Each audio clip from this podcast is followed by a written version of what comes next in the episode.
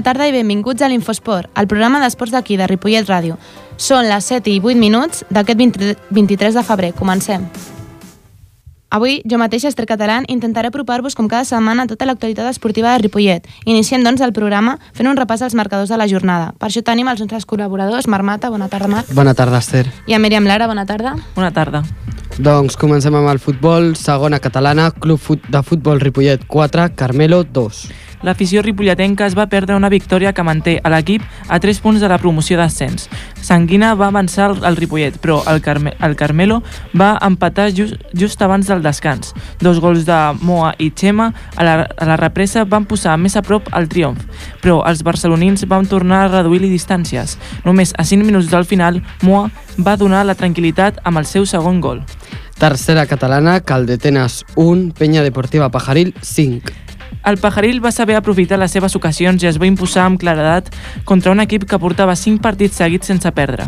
Grillo, amb dos gols a la primera meitat, va encarrilar un triomf important que manté els ripolletens a la quarta posició.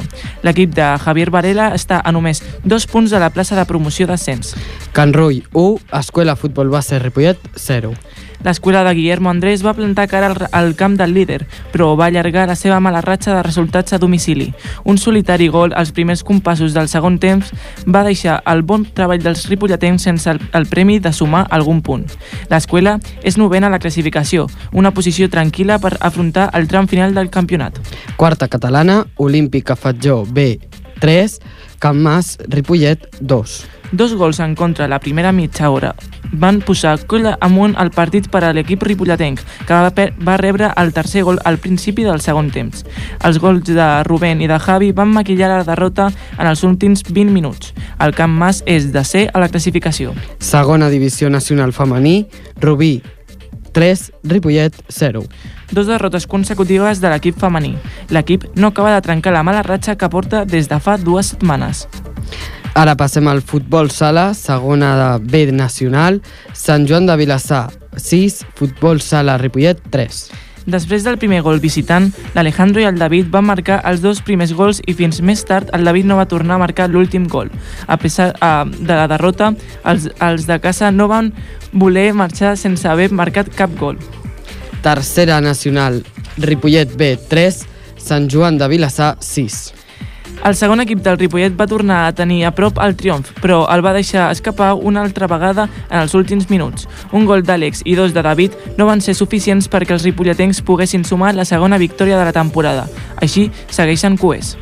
Divisió d'honor catalana femenina, futbol sala Ripollet femení 3, Altafulla 2 les noies d'Ivan Beas segueixen intractables a la Lliga, elles sumen 13 victòries consecutives. Però no va ser fàcil. L'equip va haver de fer, de fer front a un gol encaixat als primers instants del partit i només va poder remuntar a la segona meitat.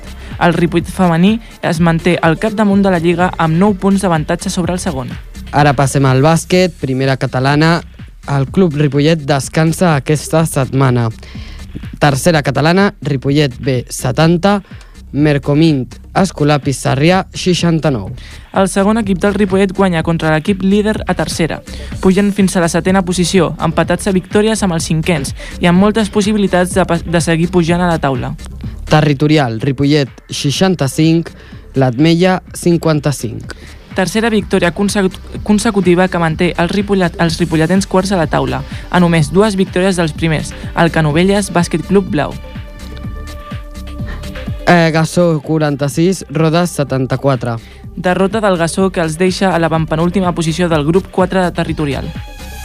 Tercera catalana femenina, el, part, el partit del Gassó femení ha sigut ajornat. Unió Esportiva Horta 56, Ripollet femení 60. Les ripolletenques estan imparables. Partit molt difícil contra les segones amb una superioritat de les visitants en molts moments que es decanta els últims dos minuts de partit per al bon joc de les del Ripollet. Ambo, ara passem a l'handbol, tercera catalana preferent, handbol Terrassa B 31, Club Handbol Ripollet 25. L'equip torna a perdre fora de casa contra l'equip que el segueix a la taula. Es situen setens a la classificació amb 8 victòries, un empat i 9 derrotes. Molt bé, doncs fins aquí els resultats d'aquesta setmana. Moltes gràcies, Marc. De res. Moltes gràcies, Míriam. De res. I passem al futbol sala. Futbol sala. Futbol sala. Futbol sala. Parlar-nos del futbol sala femení tenim el nostre company Manuel Barón. Bona tarda, Manuel. Hola, buenas tardes. Esther. Buenas tardes. Pues sí, Esther, mira, el equipo que entrena eh, Juan Martín del fútbol sala Ripollet femenino recibía a un Altafulla escaso de jugadoras con tan solo un cambio que sufriría una baja en escasos minutos de estar jugando el primer tiempo. El rival, que se colocaría por delante con un gol rematado de una falta, ponía intensidad a un partido en el que las chicas del Ripollet tenían que remar siempre contracorriente. En el minuto 4 del partido, Lali, capitana del equipo, marcaba después de dos ocasiones que anteriormente habían tenido sus compañeras. Clara, en el minuto 6, dispuso de una nueva ocasión de gol, pero el balón se va alta. Un minuto más tarde, Begoña tiene una nueva ocasión después de rematar un córner. La capitana Lali tuvo, varias ocasiones para adelantar al equipo. En el minuto 8, delante de la portera rival, lanzó un balón rozando el palo. Y en el minuto 14, después de rematar un córner, una defensa tiene que sacar un balón de debajo de los palos. Un minuto más tarde, Marta deja a Lali un balón después de una buena jugada entre ambas jugadoras que detiene la portera. Pero el rival seguía presionando y poniendo en dificultades al equipo del Ripollet. Siempre el peligro llegaba a las espaldas de la defensa del Ripollet. Esto hizo que en una de esas jugadas el rival se pusiera nuevamente por delante a cuatro minutos del descanso. En el segundo tiempo todo cambió. El rival estaba embotellado todo el segundo tiempo en su campo. El Ripollet dispuso de numerosas ocasiones, de numerosas ocasiones no solo para empatar, cosa que hizo nuevamente la capitana Lali en el minuto 5 del segundo tiempo. Tanta in- insistencia del Ripollet en el campo del rival tuvo su recompensa en el minuto 7, donde Marta, después de un rechace de la portera rival, dispara para poner el 3-2. El Ripollet pudo haber merecido más, pero el balón no quería entrar.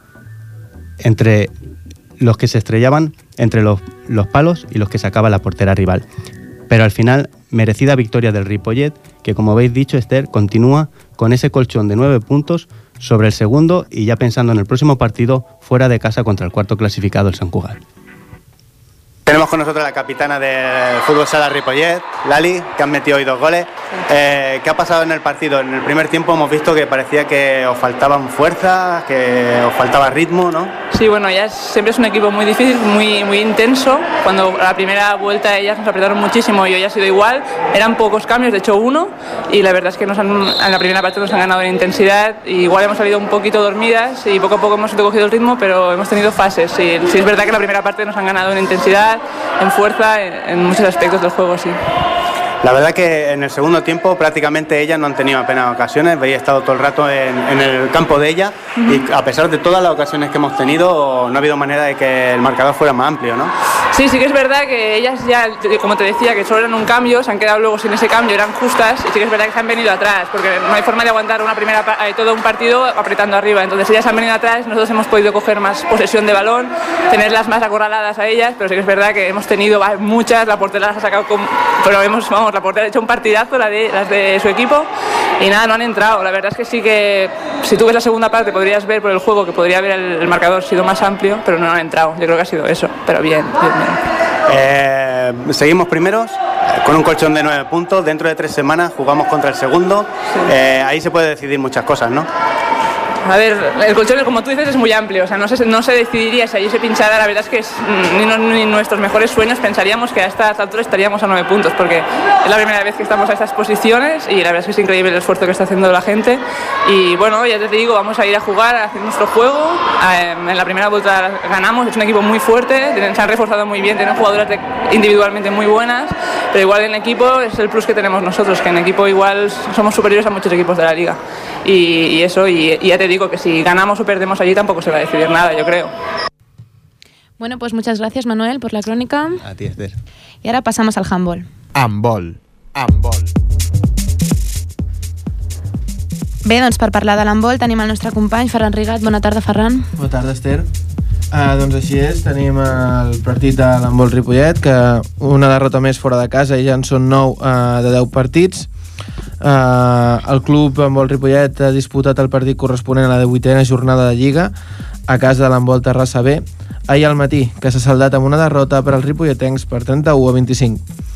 El Ripollet ha aconseguit començar amb un avantatge momentani que podia demostrar símptomes de millora a l'hora d'encarar els partits fora de casa, però simplement ha estat un miratge.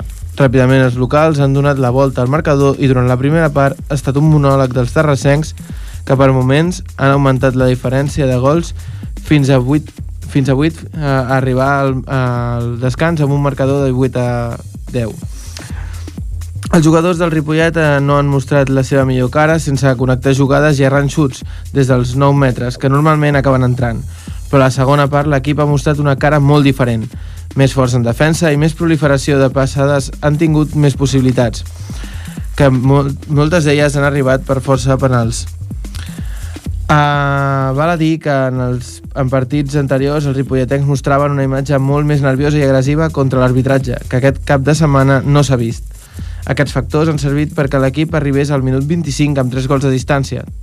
Tot una... una fita. Però eh, una exclusió de dos minuts unida a una altra de l'entrenador Santillop i sumant a la falta d'efectius per lesions, per lesions han donat forces al, al Terrassa per emportar-se la victòria per 6 gols d'avantatge. Per tant, dues imatges en un mateix partit, però que mostren signes de millora per als partits que juguen fora de casa.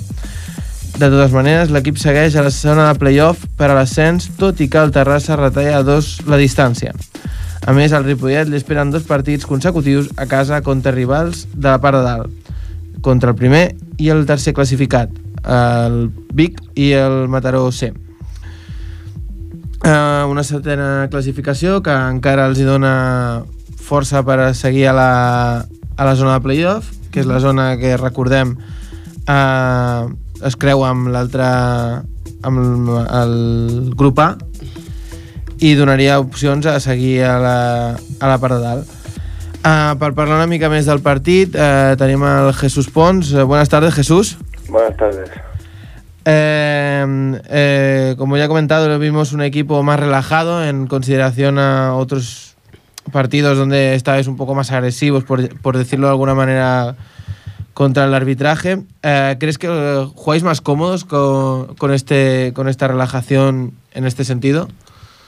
Eso está claro, se vio la segunda parte del partido, que jugaban muchísimo más relajados, mucho más concentrados en lo que tenía que hacer cada uno y se consiguió remontar.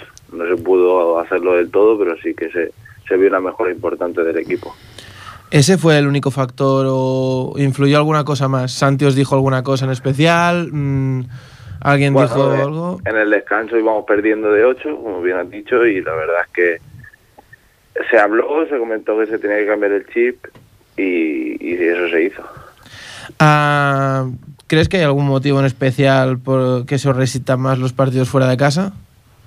Bueno, las bajas, las bajas la verdad que son importantes. Siempre vamos con muy pocos por temas laborales, lesiones. Se hace lo que se puede y se intenta ganar, pero lo que está claro que en casa cuando jugamos todos se gana. Ah, como, como has dicho, en casa la cosa cambia mucho y os esperáis dos rivales potentes, ah, como son el Vic, que va primero, y el Mataró C, que va tercero. Ah, ¿Qué esperáis de estos dos partidos? Hombre, se intentará ganar, se intentará ganar. La, la segunda parte de Terrassa fue la actitud, fue lo que nos hizo tirar para adelante. Yo creo que los partidos, si se hacen con actitud, como lo hicimos en la segunda parte de Terrassa, se puede ganar a cualquiera. Pues simplemente era esto, Jesús. Ah, de- desde aquí deciros que sigáis con esta actitud que se, se os nota. Se- cuando jugáis con esa actitud, el equipo demuestra que, va- que puede sacar grandes cosas y nada, que mucha suerte de aquí en adelante. Vale, gracias igualmente. Hasta luego. Hasta luego. Futbol, futbol, futbol. Bé, doncs, bueno, moltes gràcies, Ferran, per la teva crònica. Ah, de res, a vosaltres. I ara passem al futbol, com ja hem dit, amb Marc Mata. Bona tarda, Marc. Bona tarda, Esther. Uh, doncs sí, el Ripollet guanya per segona vegada al Carmelo. Ahir diumenge a la tarda l'equip de Juan Carlos Torres va jugar a casa al partit de tornada. Els ripolletens en un bon partit i amb unes grades buides es van endur la victòria per 4-2. El motiu pel qual la Federació Catalana de Futbol va prendre la decisió que el partit fos a porta tancada és per diversos incidents comesos en alguns partits pels seguidors ripolletens, el més recent el del Mataró. Al començament del maig, els del Ripollet van sortir una mica dormits, moment en què els del Carmelo van fer unes quantes jugades de perill. Als 10 minuts de la primera part, els ripolletens es van posar a les piles i van agafar el domini del joc. A partir d'aquest moment, el Carmelo esperava al darrere la seva oportunitat buscant el contracop. En aquesta primera part, els de casa van tenir moltes oportunitats de gol, però poc encert davant la porteria. Als, 30, als 36 minuts de partit va haver una, juga, una bona jugada amb una desmarcada d'en Carlos Javier Sanguina, que va fer un fort xut creuat que va batre el porter visitant i va posar el marcador 1-0 a favor dels locals. Segon gol a la temporada del davanter de Mollet, que ha completat molt probablement el millor partit des de que vesteix la samarreta ripolletenca. En el minut 44, els de, els de l'equip de Barcelona van aprofitar un mal rebuig de l'Ivan Serrano per marcar el primer gol visitant. Un gol dels anomenats psicològics, amb el que els visitants marxaven al vestidor amb un valuós empat. El partit va arribar al descans amb un domini de pilota per part dels, del Ripollet, però amb un resultat molt igualat. A la segona part, l'equip del Vallès va sortir amb més força per guanyar. En aquesta part van poder veure un Ripollet volcat a l'atac. En el minut 51, en Moja va marcar a plaer el segon gol per l'equip de casa. Pocs minuts després va ser en José María Ballón, eh, conegut com el Xema, qui firmava el que semblava eh, que havia de ser un, el definitiu 3 a 1. Al minut 65, els del Carmelo van fer un intent d'entrar al partit amb el 3 a 2 i la tranquil·litat final la va portar en Moja, que va tornar a marcar gol 5 minuts abans que acabés el, el maig, posant el marcador definitiu 4 a 2. El gol va ser aconseguit d'una falta lateral feta ràpidament per Borja i rematada de cap. Al final del maig, en Juan Carlos Torres, míster del Ripollet, va parlar pels micròfons de Ripollet Ràdio. El partit ha començat dominat per al Carmelo, però què, has, què, és, què és degut a aquest canvi de possessió? Bueno, jo crec que han sigut 5 eh, minuts la posició del Carmelo, que la resta de la primera part hem tingut la posició nosaltres, hem tingut 6 o 7 ocasions molt, molt, molt clares hem marcat un gol només i ells de la primera que única que estan al costat han fet el, el, i un gol que pràcticament ens han fet nosaltres vull dir que, bueno, eh, el que passa al futbol a vegades. Us ha marcat al final de la primera part un gol psicològic. Què ha significat per a vosaltres? Bueno, res, són coses del futbol que hem de saber controlar, aquests minuts la, els hem de saber tancar i ens costa, ens costa tancar-los, però bueno, el fet és que l'equip s'ha s'ha bueno, vingut a la segona part, hem fet dos gols, crec que hem tingut per fer dos o tres gols més i bueno, bé, content. Us ha costat marcar el primer gol, ja que heu tingut diverses oportunitats de gol. Després d'aquest de, gol, heu vist millora? Sí, sí, sí, però bueno, és independent. Jo amb els jugadors els dic que el marcador és una cosa que hem de mirar fins al partit. Durant el partit hem d'estar mirant el joc i el que fem durant el partit és a intentar jugar bé. Crec que hem bueno, dominat completament el partit, menys els primers 5 minuts, que potser estàvem una mica fora de, de, de lloc, però la resta del partit hem dominat completament. Hem fet ocasions, crec que hem fet 10-12 ocasions molt clares i hem fet 4 gols. No, no, podem millorar coses en defensa, però en el, el que és el joc d'atac eh, estic content. A la segona part heu sortit apretant i heu aconseguit marcar tres gols més. Jo sabia, nosaltres sabíem que ells ja no estan acostumats a jugar en un camp tan gran i potser patirien en, en mides aquestes quan han de bascular una part d'una part una altra i sabien que la segona part ells baixarien bueno, és el que ha passat i crec que el domini de la segona part ha sigut total i jo crec que podíem haver marcat algun gol més però bueno. El cap de setmana que ve us enfronteu al Canyelles, un equip que va dos posicions per sota vostra. Vau guanyar contra ells la primera vegada. Com afronteu aquesta volta?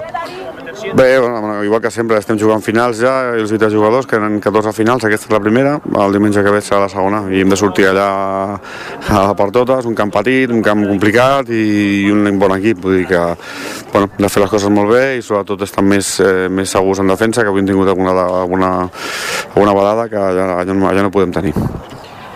Eh, Contents perquè les dues vegades que heu jugat contra el Carmelo heu guanyat. Sí, sí, sí, contents perquè hem guanyat, vull dir que el que volem ara és guanyar i sobretot si podem encadenar tres o quatre victòries seguides que ens farien molta falta per, per, per, per, per, arribar al tram final aquell de Liga després de Setmana Santa eh, a tope, vull dir que és el que volem. El cap de setmana que ve us enfronteu al Canyelles. Vau guanyar contra ells la primera vegada. Com afronteu aquesta volta?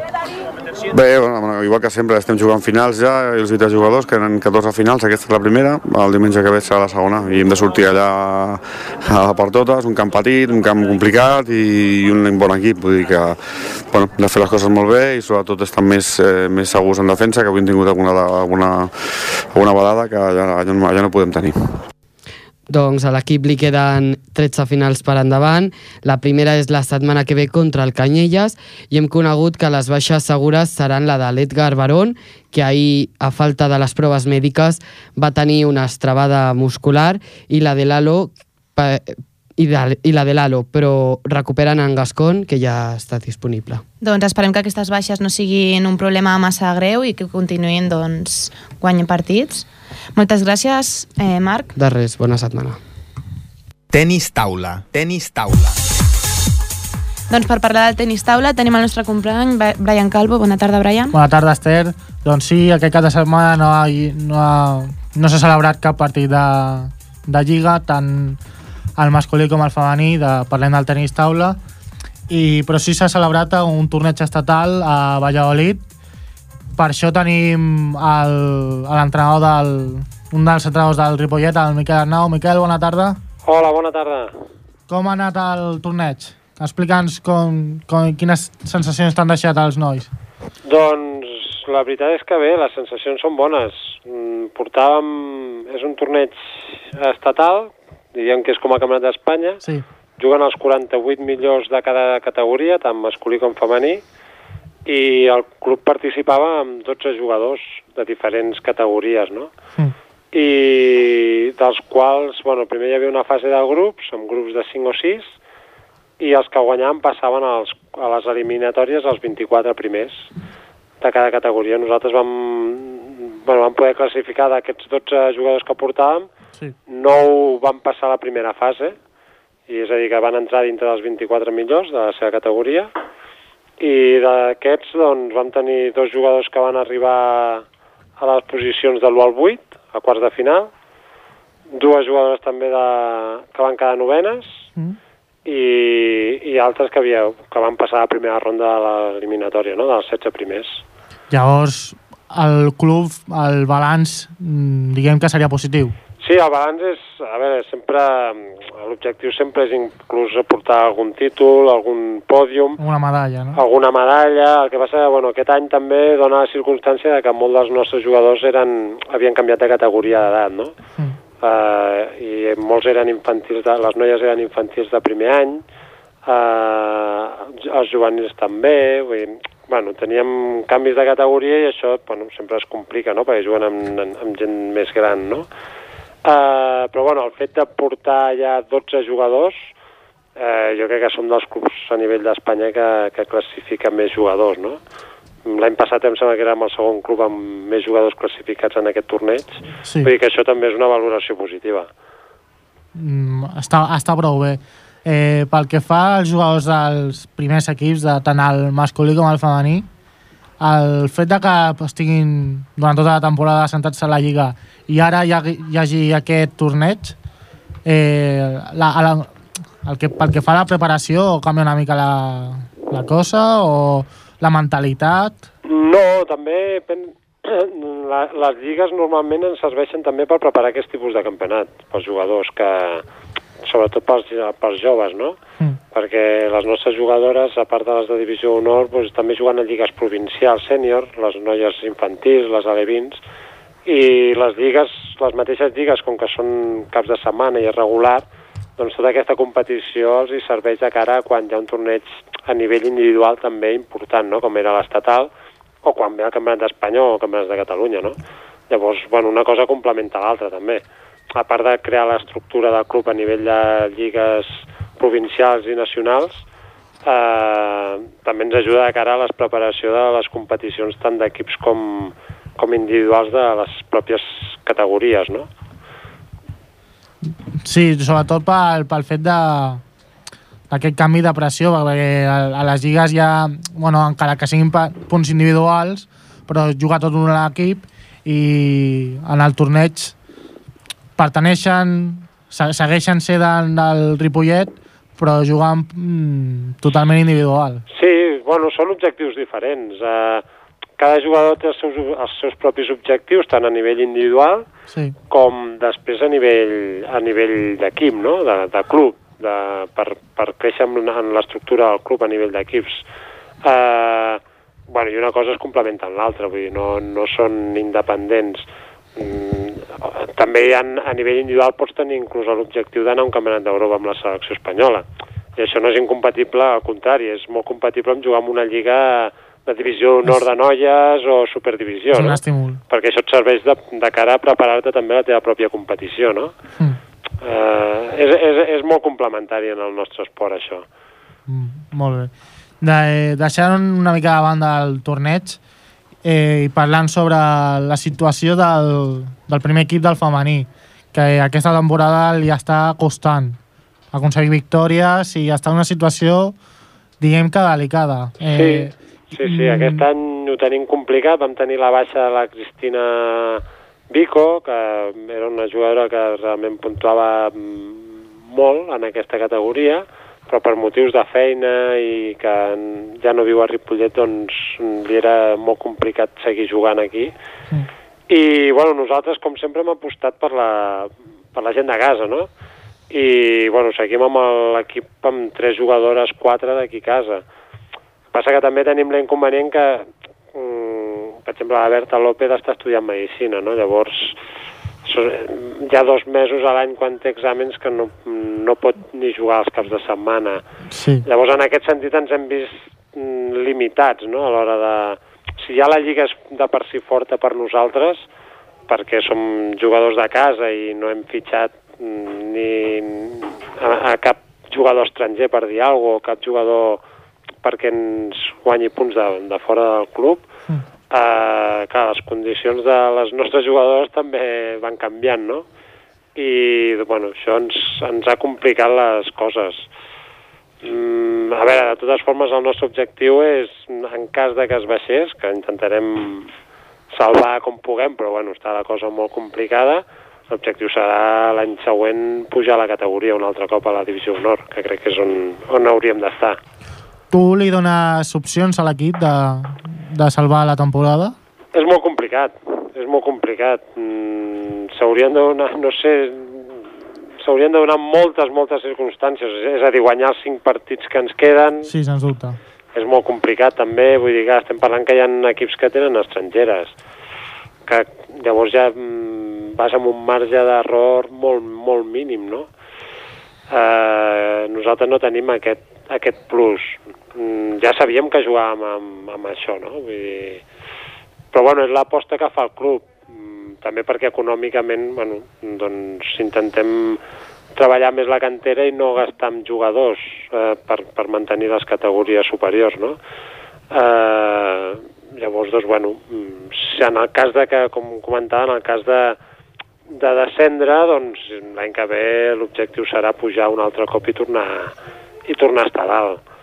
I, i, bueno, i si algun moment el club té la possibilitat econòmica de d'agafar algun jugador extra, doncs, bueno, Sí, algun fitxatge.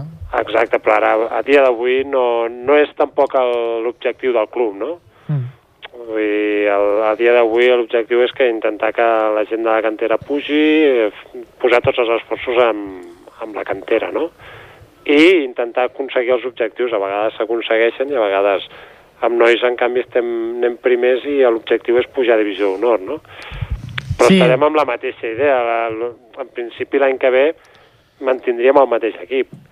a Divisió Honor, no? No, no, no, no tindríem noves incorporacions. Llavors, mm, som conscients que Divisió Honor és, un, és una categoria molt més forta, no? Que els equips es reforcen, doncs, bueno, intentarem, intentarem lluitar. Ara, ara que parlaves de, del primer equip masculí, ja per acabar, com la dinàmica que porteu és, és, és es pot parlar de, de la perfecció. Tots els partits guanyats estan sent increïble la temporada. Bueno, a, a veure, la, precisament a l'equip de Divisió Honor de Nois fa 4-5 anys estàvem a Divisió Honor i vam renunciar a la categoria per motius econòmics. Estàvem a Divisió Honor i vam baixar primera per, per el tema de, de, dels viatges, dels desplaçaments, pel tema dels desplaçaments i els arbitratges, no? Sí. Mm, I cada any estiguent a primera nacional hem estat en, en posicions de fase d'ascens. El que passa que quan arribàvem a la fase d'ascens, com que l'objectiu no era pujar per, perquè no, per no gastar més del compte, doncs no anàvem ni a la fase d'ascens, no? I l'any passat, doncs, bueno, el club va dir que després de tants anys, doncs, bueno, sí que intentéssim aquest any eh, anar a la fase d'ascens amb unes garanties, no? El club pot fer aquest esforç econòmic. Eh, intentarà fer-lo. Intentarà fer-lo també per compensar una mica els anys que hem estat eh, a primera, no? I donat també que, bueno, hi ha el jugador, el Raül Porta, que, que és de, de casa tota la vida, doncs que també és, és jove i, i bueno, també li anirà bé mm, jugar a Divisió Honor, no? Fer el pas aquest. Mm, ja et dic, igualment sabem que l'any que ve si pugéssim, que també serà difícil en cas d'anar a fase d'ascens, eh, serà molt complicat eh, mantenir l'equip, però no, no dubtarem en intentar-ho, eh? Sens dubte. Doncs, bueno, fi- fins aquí l'entrevista. Moltes gràcies per parlar un altre cop, Miquel, i que, que conti- continueu així el masculí, que el femení pugui aconseguir la salvació i molta sort. Moltes gràcies, ho intentarem. A tu, a tu Merci. Miquel. Moltes gràcies. Adéu. Adéu. Bé, doncs moltes gràcies, Brian. De res, Esther. Passem a parlar del, del bàsquet Ripollet, que aquesta setmana les femenines doncs, han tingut una nova victòria, no, Mèriam? Exacte. Ahir el Club Bàsquet Ripollet femení va sumar una victòria més a tercera contra la Unió Esportiva Horta, amb un resultat final de 56-60. Eh, tenim al telèfon a Anna Guillén, una de les jugadores del Ripollet. Bona tarda, Anna. Bona tarda. Com vas veure el partit? Doncs va ser un partit força intens perquè vam estar força igualades fins al final. Fins i tot ens van remuntar 5 punts a falta de 3 minuts, però molt bé, molt encertades i al final ens van poder endur la victòria. Què creus que va ser decisiu per guanyar les segones de la Lliga? Jo crec que portem força setmanes entrenant bé, bons entrenos, un bon ritme, estem aconseguint agafar un altre cop la il·lusió i les ganes, perquè portàvem, després d'una vol una primera volta que vam perdre la majoria de partits, Mm. Doncs, i al canviar de joc, d'entrenador, moltes baixes, hem tornat a aconseguir agafar ganes i això, tornar a, a intentar jugar com nosaltres sabem i en comptes d'anar com a remolque de l'altre equip, vam ser nosaltres aquesta vegada els que vam portar el ritme al partit i això ens va ajudar a guanyar. Anna, creus que el canvi de, de jugadores en el vestuari ha estat decisiu? Les noves No, incorporacions... Bueno, jo crec que és més la pinya que fem en l'equip, no té tant a veure, sí que és veritat que han vingut jugadores que aporten moltíssim a l'equip i sumen molt, però no és cosa de dues. A pista, al final, som cinc, i si no estem les cinc concentrades no serveix de res tenir dos talents. És més el joc en equip que individual. Porteu quatre victòries consecutives. Com es sent l'equip amb això?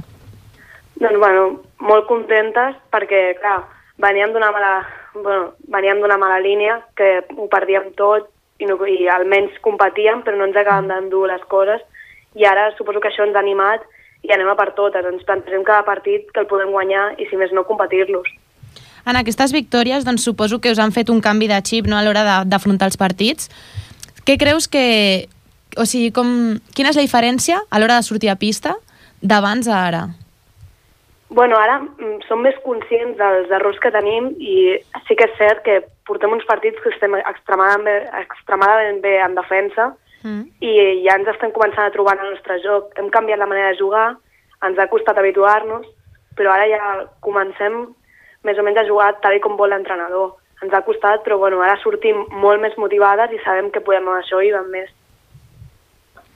Eh, hi ha hagut un canvi radical al joc, com has dit, amb, amb les incorporacions de l'Arbert Ortega i l'Antonio Quirós.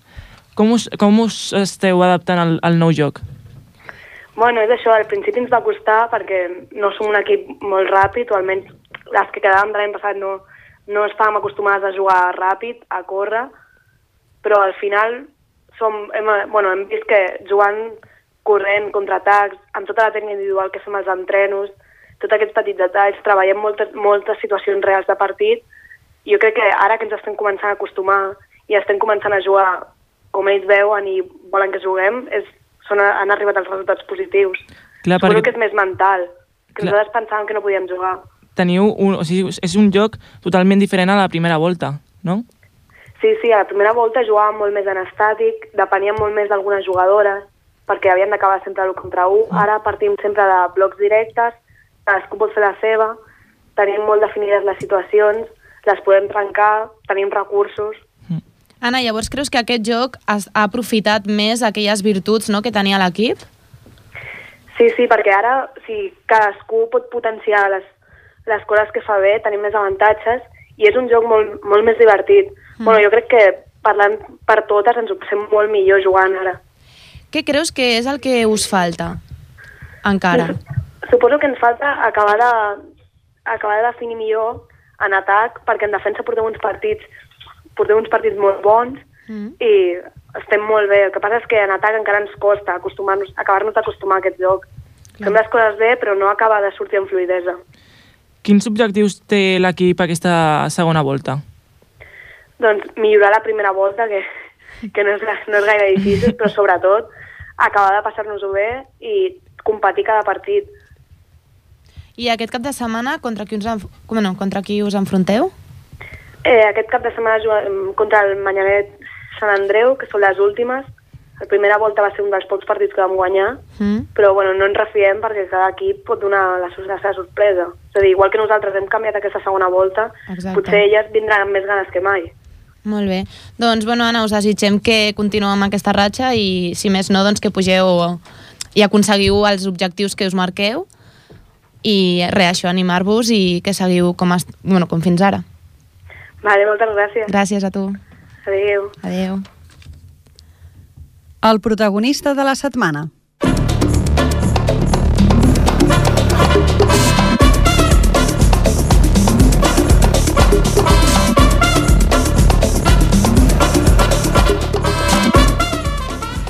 Doncs ara sí, passem al, al futbol pajaril amb el Brian i el Marc Mata, que faran una entrevista doncs, al nostre protagonista de la setmana. Bona tarda, nou, Esther. Bona tarda. Bona tarda.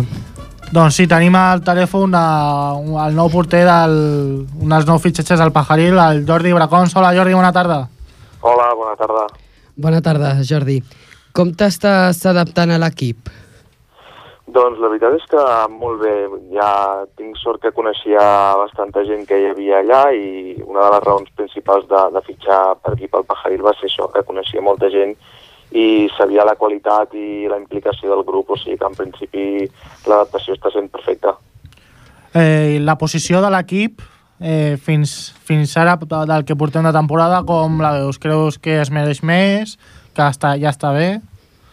Jo crec que, que ens mereixem més, és a dir, jo el poc que he pogut veure de l'equip aquestes tres setmanes ja, ja he comprovat que, que el nivell és molt, molt alt, ja ho vaig dir la setmana passada, que era a nivell de segona catalana tranquil·lament, Mm. però, però vaja, depèn de nosaltres eh, reflexar això a la taula i aconseguir un ascens que seria la bomba. Uh -huh. quin, quin canvi veus del Sabadell Nord al Pajaril?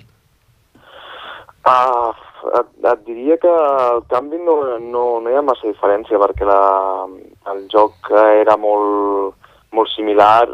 Sí que és veritat que la segona catalana la intensitat i el ritme és, és molt diferent i que cal estar concentrat als 90 minuts. Aquí tercera catalana potser és, ah, la diferència entre els equips es noten més i si tens jugadors de qualitat com nosaltres tenim sí que és, um, a vegades no et resulta tan difícil dominar els partits i, i aconseguir fer gols, però, però vaja, el, sí que el, el nivell de l'equip propi és, és similar tant en un lloc com a l'altre.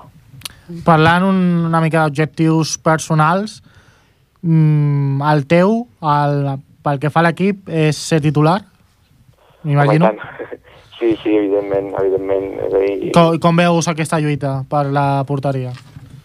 Jo crec uh, que, que és molt sant, és a dir, com més competitivitat hi hagi entre, entre, en aquest cas ara som tres porters, com més competitivitat hi hagi millor pel, tant per cadascun de nosaltres com per l'equip, perquè el que jugui serà el que està millor dels tres i els altres, els que no toqui jugar, doncs serà, serà que toca treballar i toca millorar encara més els entrenaments. Uh -huh.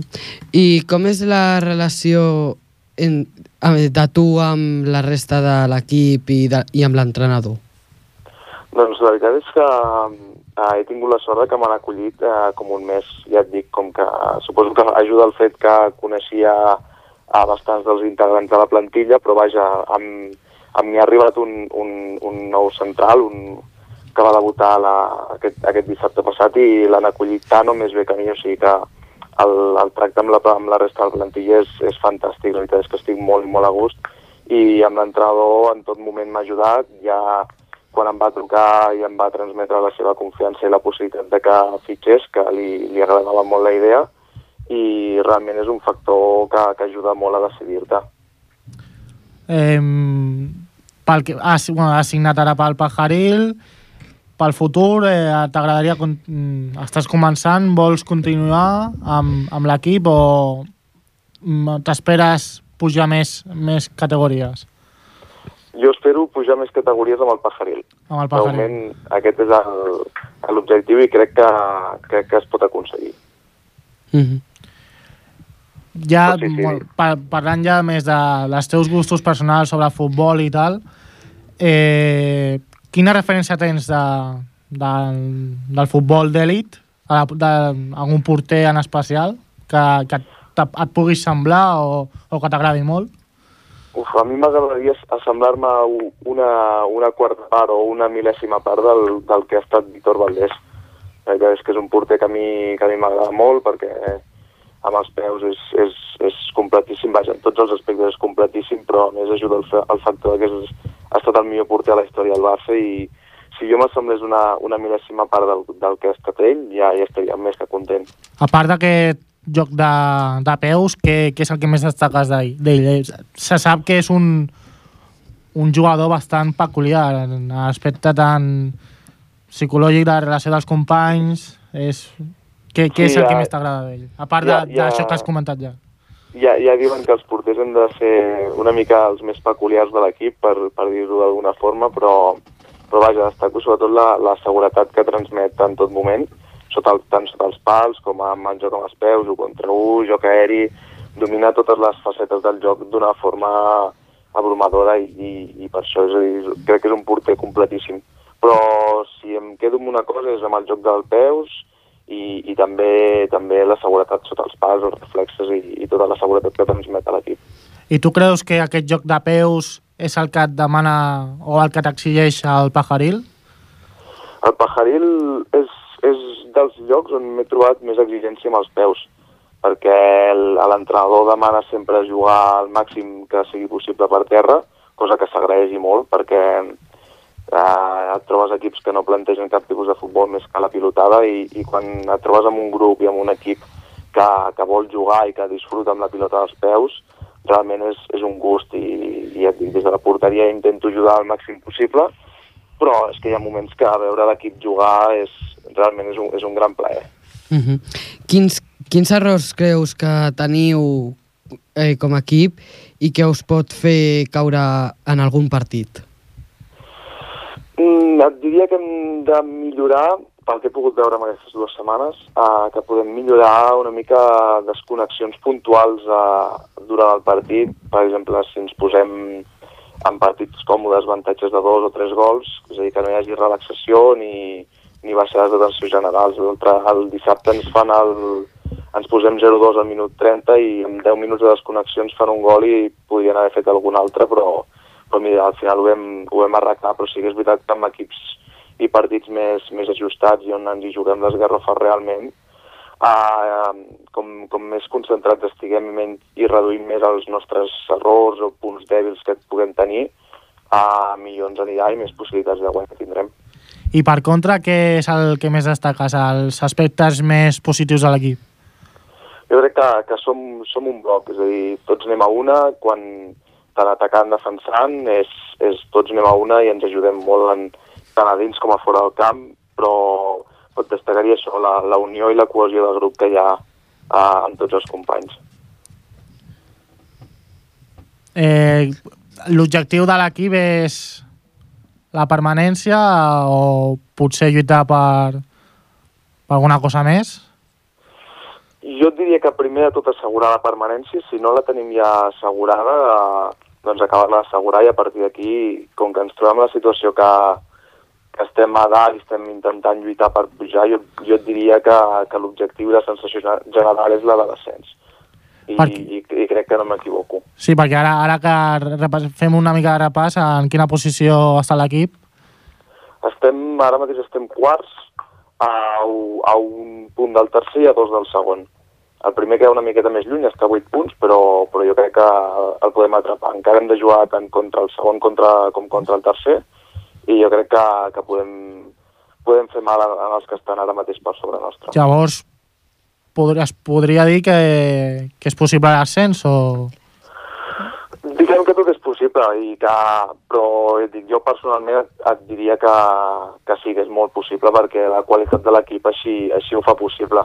Però, però vaja, això, això no, no, no voldria anar massa lluny, però crec que sí. Personalment et diria que sí, que l'ascens és possible. Molt bé, pel, pel pròxim partit, eh, quin, quin joc t'esperes? Mm, Quin, què t'esperes del rival? Doncs m'han comentat que, que el nostre proper rival, que és el Camp Déu, sí, sí que es planteja un, un joc de, molt, de molta brega i de molt, de molt de mig del camp, així que jo, jo espero que, que ens intentin eh, tapar la sortida de pilota al màxim possible i que ens, ens intentin obligar a llançar pilotes en llarg, però, però vaja, jo crec que nosaltres a, a casa nostra, amb, amb el camp que tenim, les dimensions i la gent que, en, que, ens, que ens recolza durant, durant els partits, ah, podrem fer el nostre joc i podrem, podrem guanyar o plantejar el partit per guanyar-lo. Ah, L'objectiu és la victòria. Sí, sí, sí, sense. Això, cada partit l'objectiu és la victòria. Per, el que estàvem parlant abans de, de les possibilitats d'ascens i tal, eh, quins rivals són els que els més temibles, els que veus amb més possibilitats de- d'ascendir? A veure, per, per posició de taula et diria ara mateix el Can Rull, que, que és el primer i que en porta 6 punts en el segon i 8 a nosaltres. Aquest crec que serà un, un dels candidats a com a mínim fer la promoció d'ascens.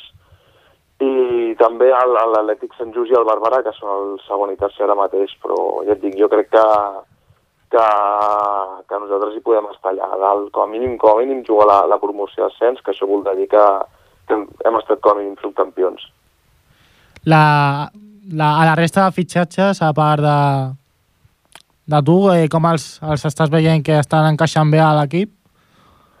Sí, sí, ja et dic, jo, des de que he arribat jo, ha vingut un, un central, un que es diu Jorge, i aquest cap de setmana va, va debutar, va marcar, de fet, el 0-1, i s'ha adaptat a la perfecció. També és un, és un, és un jugador que venia de, de categories més altes, i, i la veritat és que es nota el, el seu, la seva presència al camp, el ritme que imposa, i, les, i se li donen les condicions que, que l'han fet estar jugant més amunt, Mm. i s'ha tot a la perfecció també, ja et dic, tant, tant a dins del camp com a fora, en el vestuari l'hem acollit a la perfecció i s'ha integrat com un mes.